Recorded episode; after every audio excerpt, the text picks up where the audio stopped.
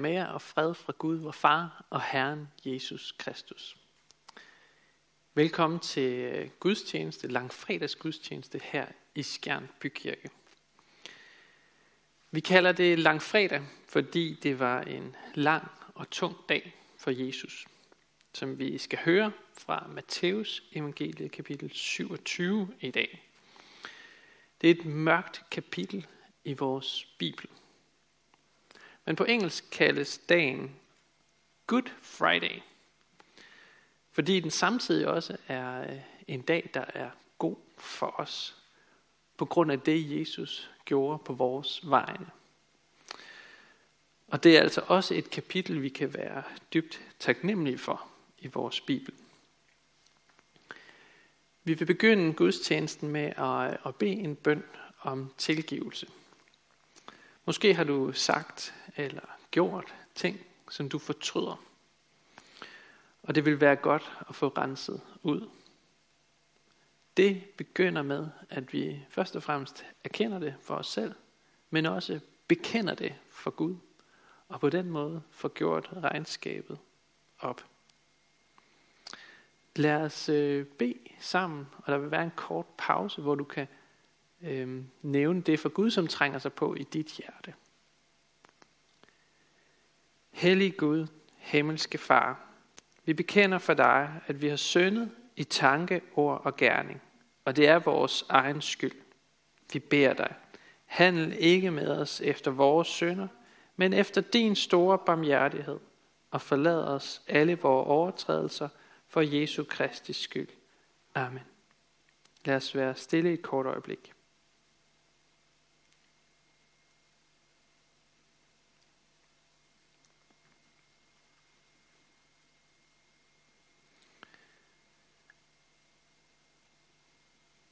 1. Johannes brev, kapitel 1, vers 9, står der, at hvis vi bekender vores synder, så er Gud trofast og retfærdigt, så han tilgiver os vores synder og renser os for al uretfærdighed.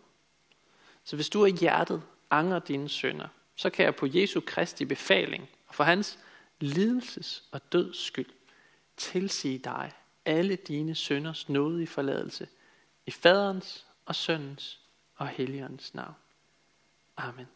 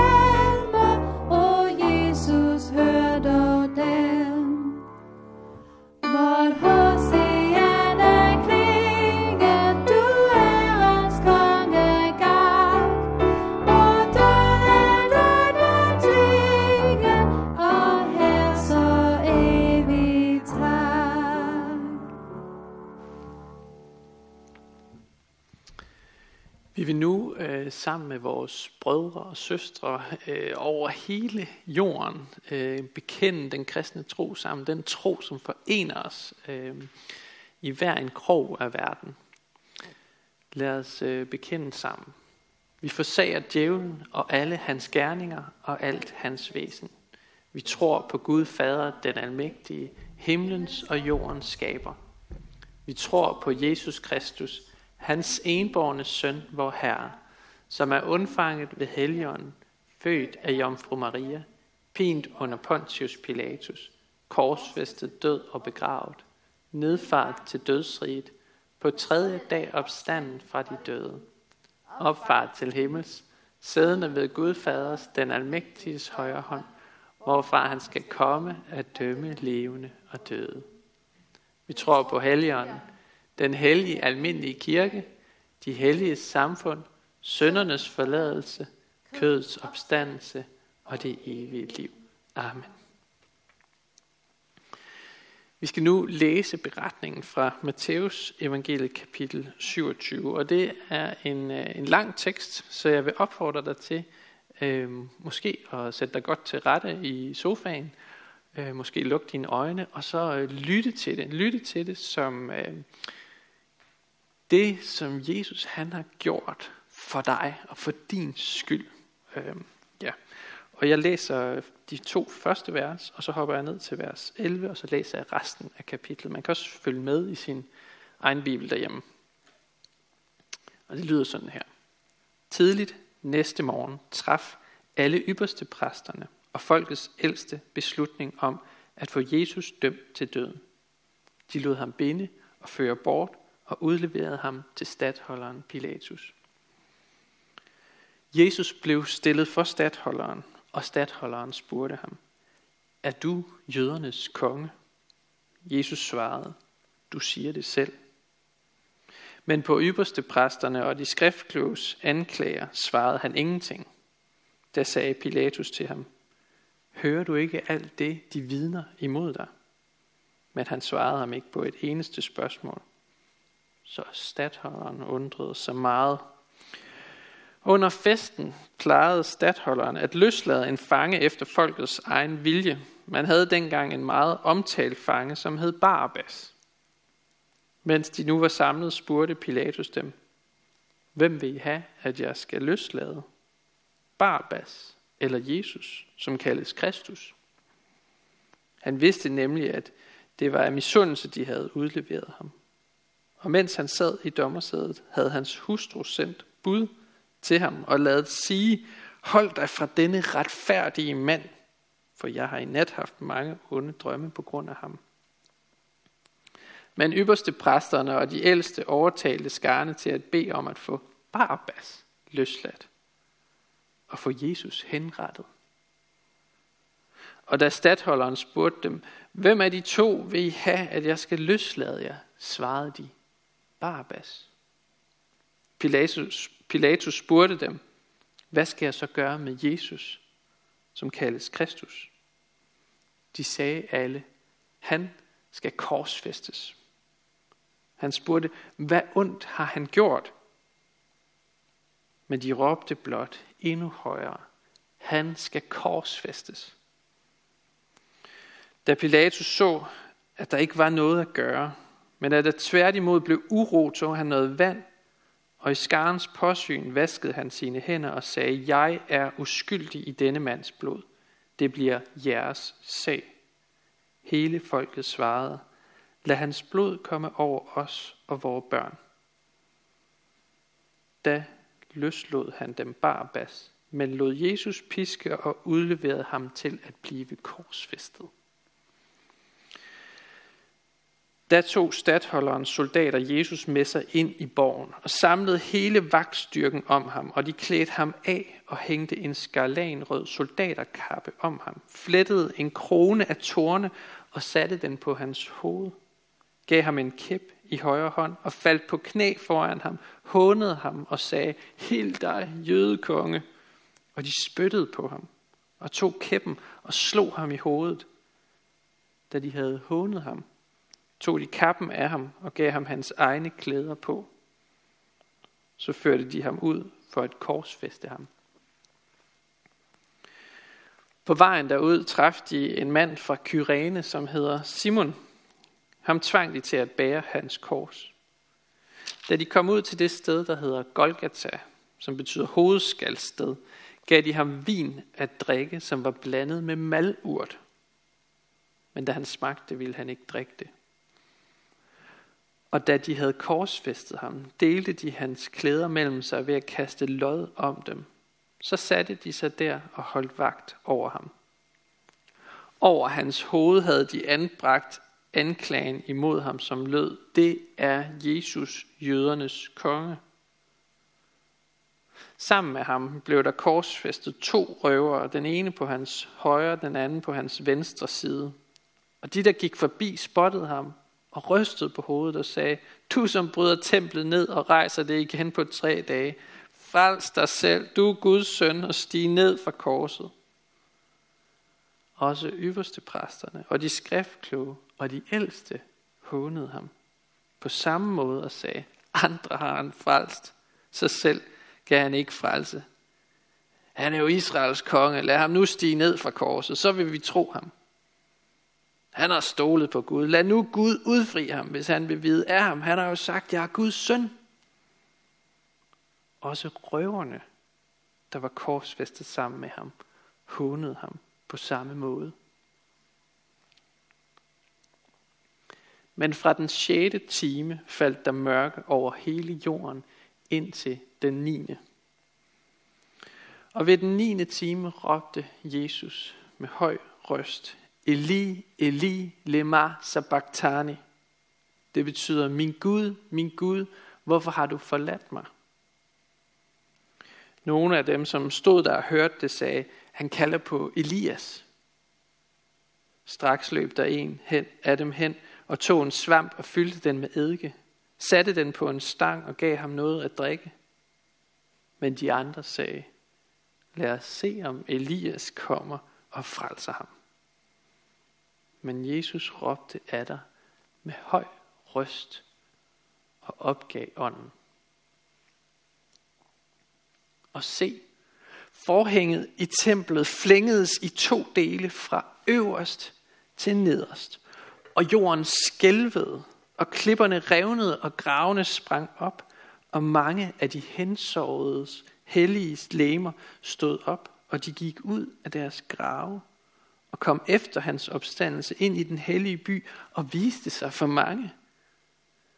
Men da officeren og hans folk, der holdt vagt over Jesus, så jordskælvet og det andet, der skete, blev de redselslagende og sagde, sandelig, han var Guds søn. Der var også mange kvinder, der så til på afstand. De havde fulgt Jesus fra Galilea og sørget for ham. Blandt dem var Maria Magdalene, Maria Jakobs og Josefs mor og Zebedeus sønnernes mor. Men da det var blevet aften, kom der en rig mand fra Arimathea, der hed Josef, som også var blevet en disciple af Jesus. Han gik til Pilatus og bad om at få Jesu læme, og Pilatus befalede, at det skulle udleveres. Så tog Josef Jesu læme og svøbte det i et rent lagen. Og lagde det i den nye grav, som han havde lavet hugge ud i klippen til sig selv. Og han væltede en stor sten for indgangen og graven og gik. Men Maria Magdalene og den anden Maria var der og sad over for graven. Næste dag, dagen efter forberedelsesdagen, gik ypperste præsterne og farisæerne sammen til Pilatus og sagde, Herre, vi er kommet i tanker om, at denne bedrager, mens han endnu var i live, sagde, efter tre dage opstår jeg. Befal derfor, at graven skal bevogtes ind til tredje dagen, for at ikke hans disciple skal komme og stjæle ham og sige til folket, han er opstået fra de døde for så bliver det sidste bedrageri værre end det første. Pilatus sagde til dem, her har I, I vagtmandskab. Gå hen og sørg for, at det bliver, der bliver holdt vagt så godt I kan. De gik så hen og sikrede graven med vagter og ved at sætte sejl på stenen.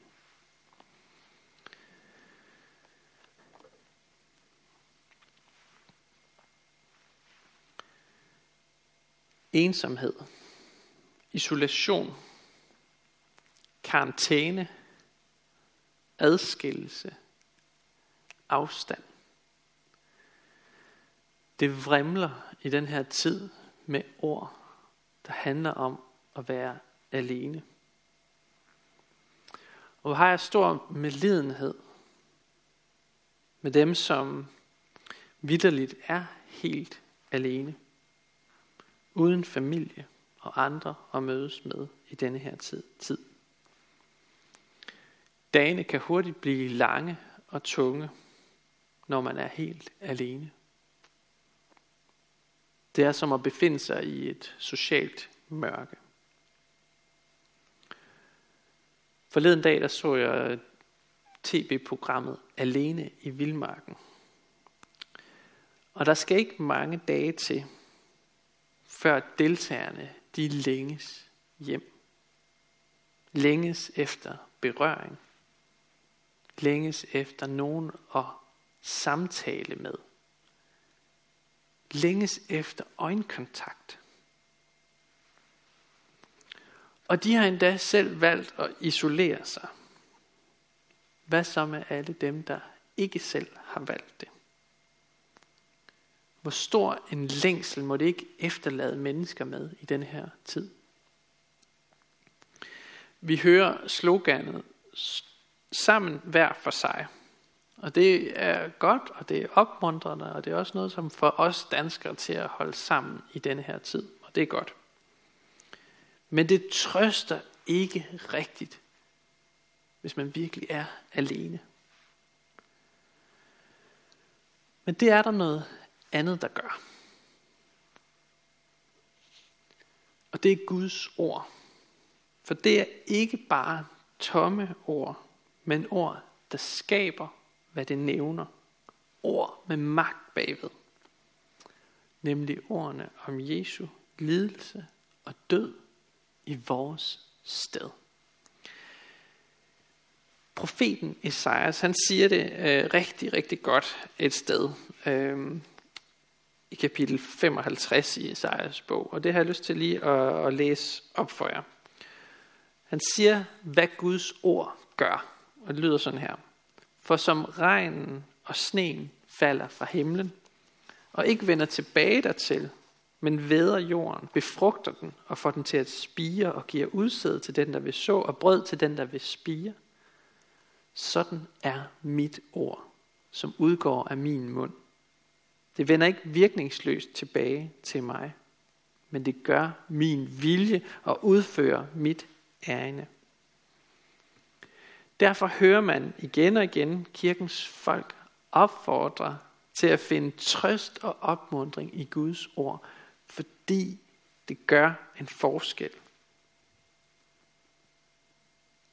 Guds ord, som aldrig forgår, men som består til evig tid, det virker i os.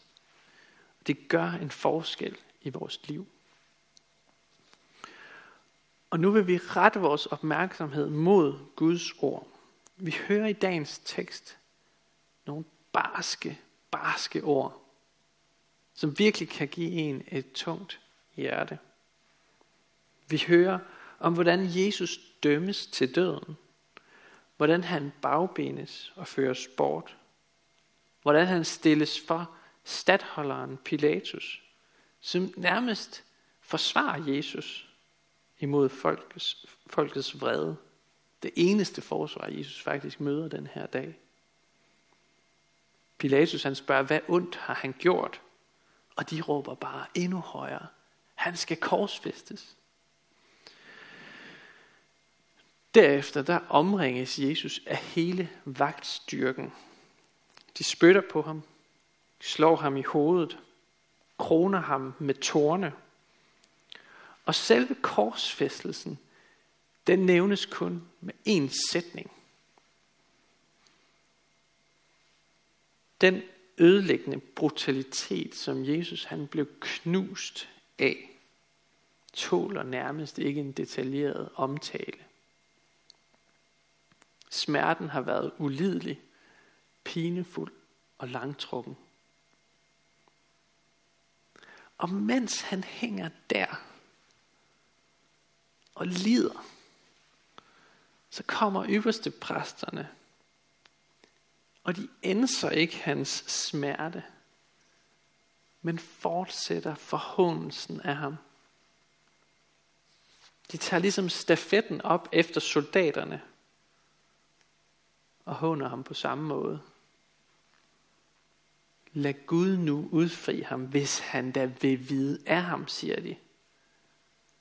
Sikke en anfægtelse at lægge på et andet menneske. Sikke en tvivl at lægge på Jesus i denne her situation. De gør grin med Jesu himmelske far. Han kaldte jo Gud sin far. Og de siger, hvor er din far nu? Vil han ikke længere vide af dig? Har din far svigtet dig? Jesus, jødernes konge, han er her fuldstændig alene, forladt af alle. Han er blevet svigtet af sine venner, og han er blevet overladt til folkedomstolen af myndighederne. Og han bliver forhånet og latterliggjort af borgerne og af den religiøse elite. Så kom ikke og sig, at Jesus ikke kendte til isolation og ensomhed. Man forstår godt, at Jesus i denne her ekstreme ensomhed og eksistentielle angst råber, min Gud, min Gud, hvorfor har du forladt mig? Det er et angstens skrig fra den, som ingen hjælp kan se nogen steder. Prøv at tænke tilbage på historien om Abrahams offring af Isak.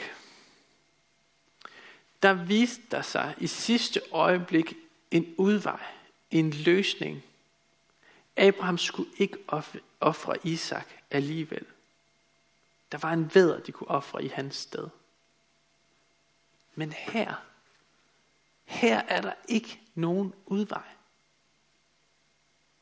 Her er der ikke nogen løsning i sidste øjeblik for Jesus. Der er bare mørke, død og ødelæggelse. Ja, endda en forladthed af Gud. Fraværet af Guds omsorg. Tilstedeværelsen af Guds vrede. Og mørket det sænker sig i bogstaveligste forstand over byen. Skyerne trækker sammen. Jorden skælver. Klipperne revner, grave springer op. Det er som om naturen viser sin sorg over Jesu død på korset.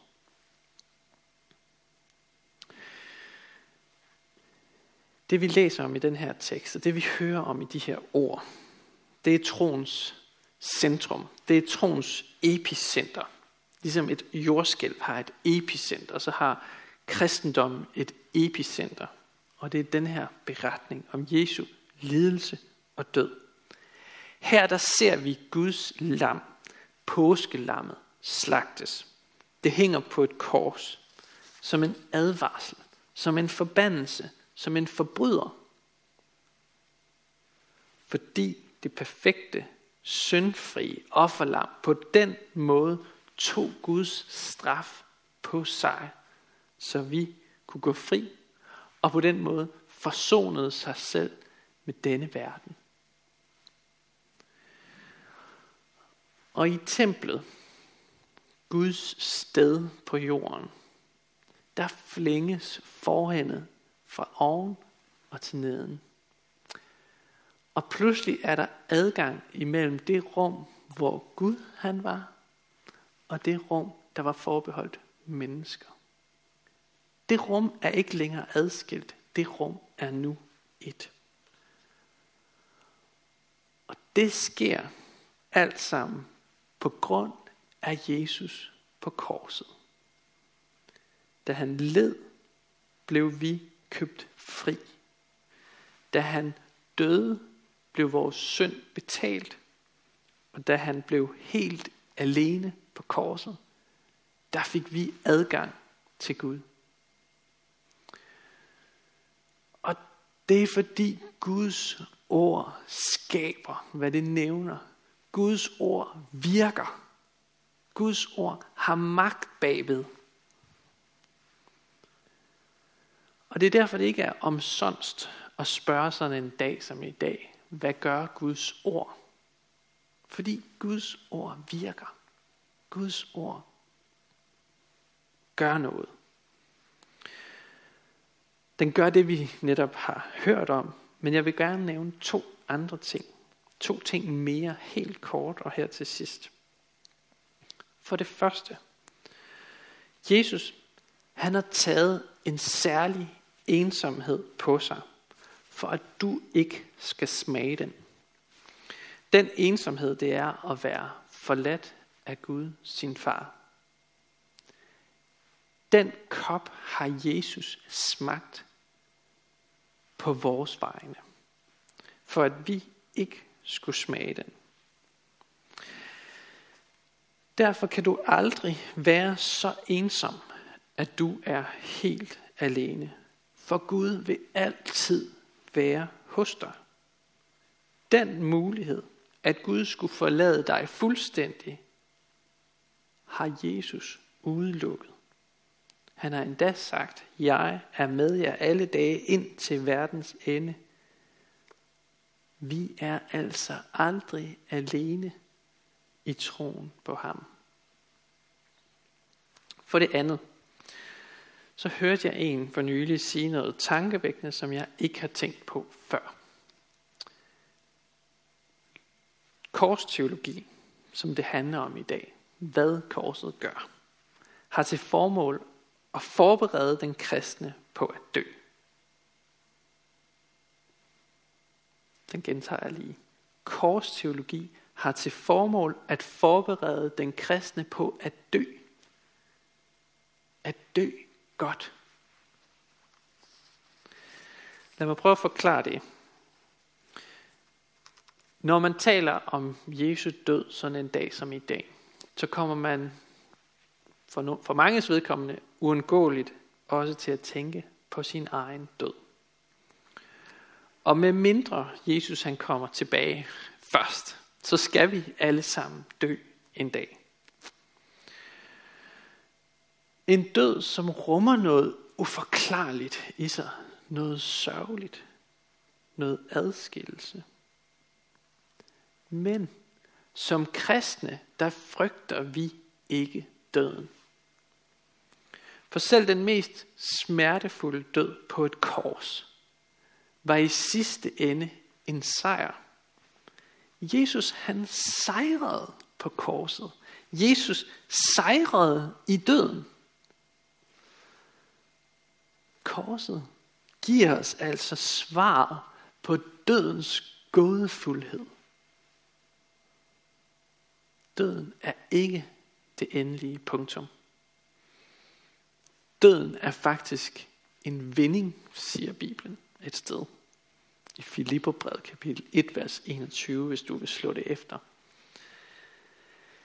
Døden er en vinding. Ikke forstået sådan, at vi skal stræbe efter den. Det gjorde Jesus heller ikke. Men forstået sådan, at vi har en sund længsel efter at bryde op og være sammen med vor Herre Jesus. Amen. Jesus fra Nazareth, jødernes konge, du er verdens frelser. Og det er med tungt hjerte, at vi hører historien og beretningen om, hvordan du måtte lide og dø for vores skyld. Og det er med sorg i hjertet, at vi tænker tilbage på det. På den lange fredag. Men det er samtidig også med glæde og taknemmelighed, vi tænker tilbage på den dag.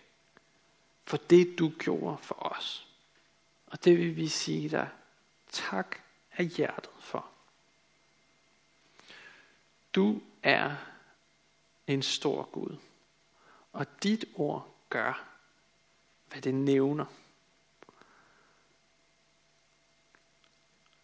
Og vi beder dig om, at du vil lade det slå rod i os. Lad det rodfæste sig i os, hvad du har gjort. Og vi beder om, at vi hver især må få del i den død og den opstandelse, som du har vundet for os.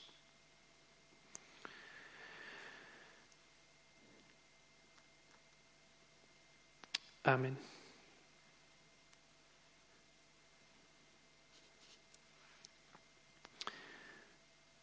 Så vil vi ønske velsignelse for hinanden med disse ord.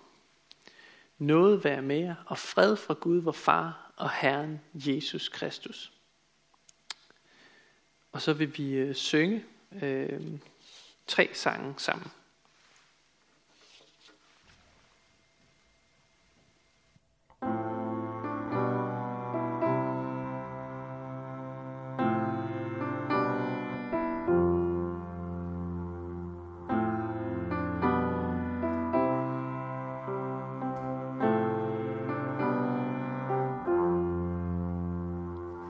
see.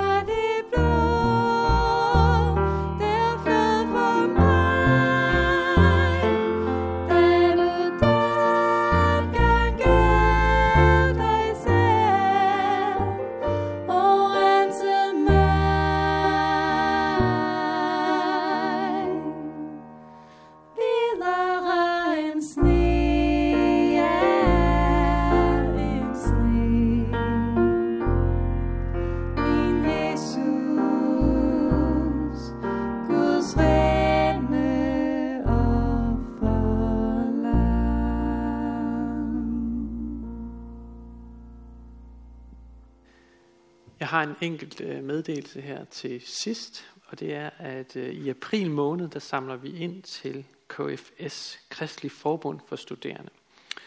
Til sidst i videoen vil der være et slide, hvor du kan indbetale øh, penge til den her forening øh, via kirkens mobile pay nummer. Og øh, det er en forening, der arbejder for, at kristne øh, unge studerende må møde øh, må kunne samles på, på ungdomsuddannelserne, men også at de må kunne sprede de gode nyheder om Jesus. Og så vil jeg til sidst bede menigheden rejse sig og modtage Herrens velsignelse. Herren velsigne dig og bevare dig. Herren lad sit ansigt lyse over dig og være dig nådig. Herren løfte sit ansigt mod dig og give dig fred. Amen.